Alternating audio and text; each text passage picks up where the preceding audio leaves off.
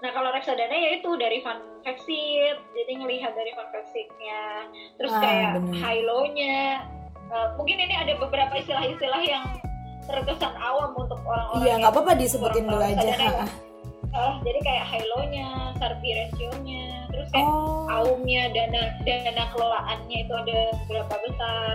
Nah. Terus Dan itu untuk di eh, reksadana pasar uang doang ya. Pasar Kalau uang. misalnya reksadana yang lain ada perbedaannya Bisa. nggak?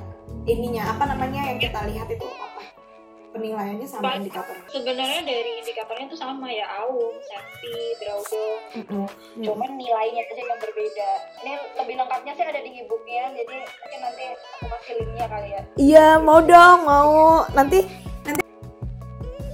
Ya tapi mungkin ini eh, disclaimer eh, kita berdua kan sebenarnya bukan ahli keuangan, cuman sebagai praktisi aja kita yang melakukan itu sehari-hari gitu. Jadi siapa tahu bisa sharing buat teman-teman yang lagi apa pemula dan pengen banget untuk atur keuangannya lebih baik. Semoga dengan mendengarkan ini tuh ada tercerahkan lah gitu. Hmm, terus apalagi sih yang biasanya tuh kalau uh, anak-anak muda yang kayak anak-anak fresh grad atau yang kayak kita tuh apa sih apalagi yang perlu kita ketahuin selain yang tadi ya kayak harus tahu dana darurat dan sebagainya. Hmm, apa lagi ya? Itu sebenarnya udah cukup sih untuk untuk dasar kita. Ini coba aku masuk lagi, masuk ke reksadana kali ya sama yang tadi kan kamu udah nyebutin emas sama reksadana. Boleh. Kalau emas kan kita semua udah pada tahu lah ya kayak ya kayak kita beli barang aja terus kita endapin gitu kan. Nah, sebenarnya teman-teman Hmm. juga harus tahu ketika misalnya kamu beli emas di bank sama emas adalah salah satu apa aku boleh nyebutin nggak ya pokoknya pegadaian nggak apalah ini kan nggak ngomongin ini juga nah kita tuh bisa beli di mana aja bisa langsung beli di antamnya berbagai cara cuman kalau dalam pengalamannya aku nih nanti mungkin kamu bisa share ya pengalaman aku Hmm. Beli di bank ah, atau nyimpan di bank itu kita beli dari bank terus nyimpan di bank itu sebenarnya lebih ngeluarin duit sih menurut aku ya karena karena kan Iya. kita nih udah nyicil nih udah dapet mas kita sekian terus akhirnya kan kita harus Mm. nggak mungkin kita taruh di rumah dong ya kan nggak mungkin taruh di Iya. kasur kan Iya iya. Ah, otomatis kita pasti nge-save gitu nah sebenarnya kita bisa sih taruh di mana aja misalnya kita punya safe deposit box sendiri yang bentuknya Mm. besi gitu kita beli sendiri ya itu boleh lah ya kalau kita punya duitnya banyak tapi kan itu juga ah, eh, ngeluarin duit. Nah akhirnya kan aku pas sampai sekarang pun aku tetap ada yang aku simpan di bank gitu. Itu ternyata Heeh. biaya untuk administrasinya tuh lumayan kayak gitu. Sedangkan Iya, iya. sekarang itu tuh ada yang kayak tabungan emas. Itu baru-baru banget kan ada tabungan emas. Salah satunya tuh kayak pegadaian. Dan itu tuh bener-bener Iya. solusi banget ya. Kalau aku pribadi akhirnya ya aku belum rutin-rutin banget. Tapi sol- eh, itu Hmm. jauh lebih eh, mudah ya jadi kayak kamu nabungnya kayak biasa aja kayak nabung uang tapi nanti jadinya nanti kalau kamu tarik dia akan di Iya. eh, ditarik menjadi bentuknya emas gitu kan nah itu kalau kamu sendiri Iya, untuk iya. emas seperti apa nih sebelum ke reksadana Sebenarnya eh, ya itu tadi sih benar. Aku juga kemarin sempat ada obrolan soal emas yang eh, palsu ya banyak fee iya fee nitip itu loh yang sebenarnya mahal kan. Heeh. Kalau dihitung itu nggak nggak nggak nyampe dari returnnya itu udah kepotong sama biaya-biaya itu itu kan. Ya pegadaian ini lumayan solusi sih menurutku. kalau Aku kamu sendiri Heeh. Aku tapi masih belum belum masuk ke emas sih. oh Masih gitu masih nyobanya ke malah saham untuk jangka panjangnya. Oh gitu ya. Kalau reksadana sendiri gimana kamu? Kamu udah main di reksadana campuran atau saham atau semuanya? Aku eh, reksadana pasar uang sih. So far Oh. masih reksadana pasar uang Mm-mm. karena yang nge-provide tujuan keuangan jangka pendek kan sebenarnya Mm-mm, DPU itu dan sebenarnya tidak sesusah itu sih untuk memilihnya. Maksudnya asal kita tahu nih, misal oh dari produknya itu bagus gitu, maksudnya dari grafiknya gitu itu kan dilihat ya sebenarnya. Tapi nggak nggak sesusah itu sih sebenarnya. Secara simpel untuk kita memilih produk itu tadi. Tips and triknya apa ngelihatnya? Ngelihatnya tuh sebenarnya ada ada beberapa indikator-indikator. Nah ini sebenarnya ada e-booknya sih, mbak free lagi. Ada e-booknya free. Ya disebutin dulu dong. kamu misalnya apa? Lima. Kalau aku sih kalau misalnya ngelihat kan biasa eh, laporan keuangan lima tahun ke belakang nih dari si. Oh itu itu sama. Mm-mm. Apalagi biasanya yang perlu kita ketahui? eh itu I- ini reksadana kalau laporan keuangan kan saham Iya kalau aku nggak tahu ya beda-beda kamu pakainya apa kamu di bank atau apa. Kalau aku ada di aplikasi lain juga. Jadi dia emang um, udah ngecantumin kita bisa buka. Misalnya ada perusahaan apa nih, aku bisa buka korek-korek gitu di Nah, aplikasinya langsung gitu sih. Nah kalau reksadana ya itu dari fund jadi ngelihat dari fund terus Ah, kayak bener. high low-nya. Eh, mungkin ini ada beberapa istilah-istilah yang terkesan awam untuk orang-orang Iya nggak apa-apa disebutin dulu aja. Eh, jadi kayak high low-nya, Sharpe ratio-nya, terus kayak Oh. AUM-nya, dana dana kelolaannya itu ada seberapa besar. Nah. Terus Mm-mm. ada lagi itu drawdown, terus Wow. return return return returnnya itu loh misal return per harian kan ada ada estimasinya kan ada Mm-mm. return per harian tiga harian Wow. terus satu tahun gitu-gitu itu juga diperhatiin Terus kalau yang Gitu. reksadana yang paling yang paling fundamental yang harus kita lihat nih kalau misalnya mau mencoba di reksadana tuh apanya? Tiga lah, tiga lah minimal yang kita lihat dulu nih. high low-nya kalau High low tuh reksadana- apa? ini kan macam-macam ya Iya, anggap aja yang kamu ya. Jalanin sekarang. reksadana kan reksadana kan ada empat juga Iya. jadi beda-beda gitu loh Yang kamu yang kamu dulu lah, yang reksadana keuangan, ah, reksadana pasar uang deh dulu yang paling gampang. Nah, kalau eh, reksadana pasar uang tuh yang dilihat kayak AUM. AUM itu kayak dana kelolaan dari si manajer investasi itu Mm-mm. di reksadana itu itu lebih dari satu triliun. Itu yang bagus Terus. ya, yang bagus tuh lebih dari satu triliun ya. Eh, ya, yang ideal. Ideal, Yang ideal, ya. iya. Oke. Terus standar standar deviasinya itu paling nggak kurang dari 0,0003.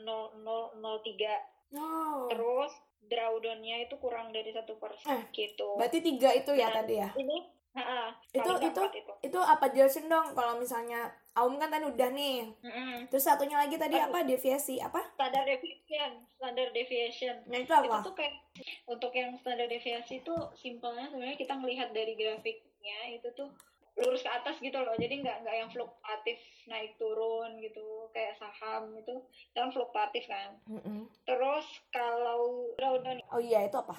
kalau drawdown itu lebih ke kayak sebagai indikator kita tuh bisa ngelihat resikonya gitu loh kayak dalam jangka waktu tertentu tuh dia bakalan turun sampai berapa sih gitu loh Um, dia dia kayak titik tingginya Berapa? titik tertingginya tuh ada di berapa Terus, titik eh, terendahnya berapa? terakhir, gitu turunnya tuh berapa nah kalau Oh. untuk RDPU ini nilai drawdownnya itu kurang dari satu persen bagusnya Oh iya, Gitu. kalau di atas satu persen ya berarti dia sering mm, Ah, jut flu- gitu, iya gitu fluktuatif kan nggak nggak berarti. stabil Mm-mm. iya Terus- gitu sih Dan itu untuk di eh, reksadana pasar uang doang ya. Kalau misalnya reksadana yang lain ada perbedaannya Iya. Ininya apa namanya yang kita lihat itu apa? Penilaiannya sama Baik. indikatornya. sebenarnya dari indikatornya tuh sama ya AUM, SEPI, drawdown gitu. Mm. cuman nilainya aja yang berbeda ini lebih lengkapnya sih ada di e-booknya jadi mungkin nanti aku kasih linknya kali ya Iya, mau dong, mau. Nanti nanti aku share juga sekalian link e-booknya apa. Siapa tahu kan teman-teman ada yang pengen langsung Betul. belajar ya kan. Aku aja tuh gak terlalu ngerti loh ternyata. Hmm, dan data-data tadi yang kayak AUM, standard deviation, drawdown, high low dan sebagainya itu itu tuh bisa diakses gratis sebenarnya ada websitenya gitu jadi kita bisa melihat Oke. eh, data Kalau untuk saham mungkin next time next time kali ya. Intinya tadi ya kita harus Mm-mm, kita harus uh, fokus dulu tadi kayak um, cash flow, aku ulangin lagi terus ada dana protek terproteksi atau dana daruratnya. Terus sama yang terakhir adalah untuk investasi. Investasi kalau emang kalau emang dua tadi udah di apa namanya udah mampu lah ya kan. Karena dana dana proteksi yang udah terproteksi itu kan isinya nggak cuma dana darurat tapi juga kayak asuransi kesehatan tuh udah masuk di situ juga gitu kan. Terus eh, untuk penutup deh, kamu mau nambahin gak tips and trick atau sesuatu yang bisa jadi pegangan buat kita semua? Oke, kalau buat penutup, eh, buat teman-teman yang pengen mulai untuk memperbaiki kehidupan finansialnya sih sebenarnya mulai aja. Yang pertama mulai aja dengan bikin budget itu tadi, anggaran. Jadi nantinya itu bisa ngaruh ke cash flow kita kan. Jadi dari anggaran yang udah dibikin, itu pasti nantinya juga mempengaruhi cash flow kita. Semoga bisa jadi lebih positif lagi. terus uh, ya nyicil-nyicil dana darurat gitu meskipun uh, masih mahasiswa atau fresh grad gitu tuh dana darurat itu penting banget so, ya karena kita nggak tahu sih kejadian darurat apa yang bisa terjadi gitu kan. Terus kalau memang mau investasi ataupun nabung itu harus tahu tujuan keuangan kita tuh apa. Jadi tahu produk produk apa yang pas gitu untuk menuju apa membantu kita menuju ke tujuan itu mencapai tujuan keuangan. Iya. Gitu. Wah makasih ya Ciki. Kalau aku sendiri mungkin bakal nambahin juga ya uh, nambahin ah, dikit lah dari dari Ciki kalau yang aku pernah dapet gitu ya uh, selain kita harus atur cash flow tadi juga kayak dana darurat savingnya kita harus tahu tujuannya mau ngapain kita juga harus kita harus juga harus tahu sih kalau misalnya udah udah next level kita harus mengalokasikan aset kita gitu. Nah, asetnya kan ada jenisnya beda-beda. Yeah. Ada aset lancar, aset investasi, aset guna. Nah, itu kayak mm -mm. nanti dibeda-bedain lagi kan posnya. Karena kan kita kayak harus tahu totalnya tuh berapa sih netnya gitu kan. Karena kayak misalnya Ciki tadi tuh punya reksadana, punya emas atau apa. Nah, itu kan belum dihitung tuh kalau misalnya di dirupiahkan dikonversikan tuh berapa jadi biar kita yeah. tahu net netnya berapa gitu kan terus mungkin kita hmm. bisa evaluasi akhir tahun nih bentar lagi akhir tahun nih kan udah kecapai nggak tuh target tahun lalu misalnya akhir tahun kita pengen pengen 100 juta eh ternyata di tabungan cuma ada 10 juta ya iya, berarti evaluasi itu penting banget. Uh, terus sama paling aku juga mau nambahin asuransi kesehatan. Wah itu wajib banget sih sebagai orang yang Betul.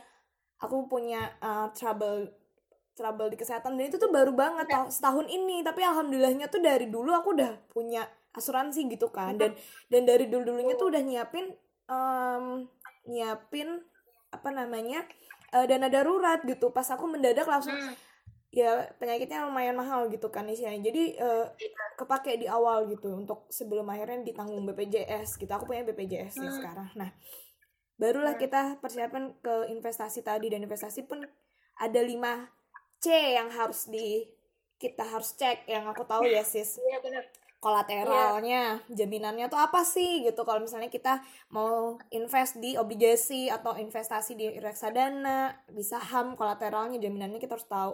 Terus capitalnya kita juga harus tahu. Karakter investasinya kita harus tahu juga.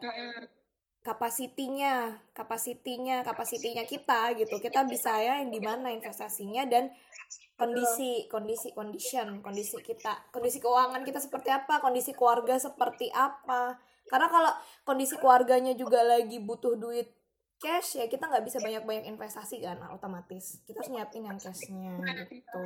Gimana menurutmu? Itu udah cukup lah ya untuk merangkum semua percakapan kita. Uh, kalau misalnya kita bingung lagi kita harus ke finansialku Habis ini aku mau ini ah nanti aku mau download. Aku udah download. Aku mau download yang premium. Eh beda sama apa beda yang premium? Downloadnya? Sama sama. Oh sama. sama. Cuma nanti tinggal upgrade aja. Upgrade ya. Aku aku akan upgrade sih insya Allah kayaknya soon. Karena aku butuh konsultasinya sih. Oke, terima kasih untuk malam ini ya. Oke, jadi mungkin itu aja ngobrol-ngobrol kita. Jadi semoga bermanfaat buat teman-teman yang mendengarkan. Ada sedikit edukasi lah gitu. Semoga bermanfaat. Sampai bertemu di podcast selanjutnya. Dadah.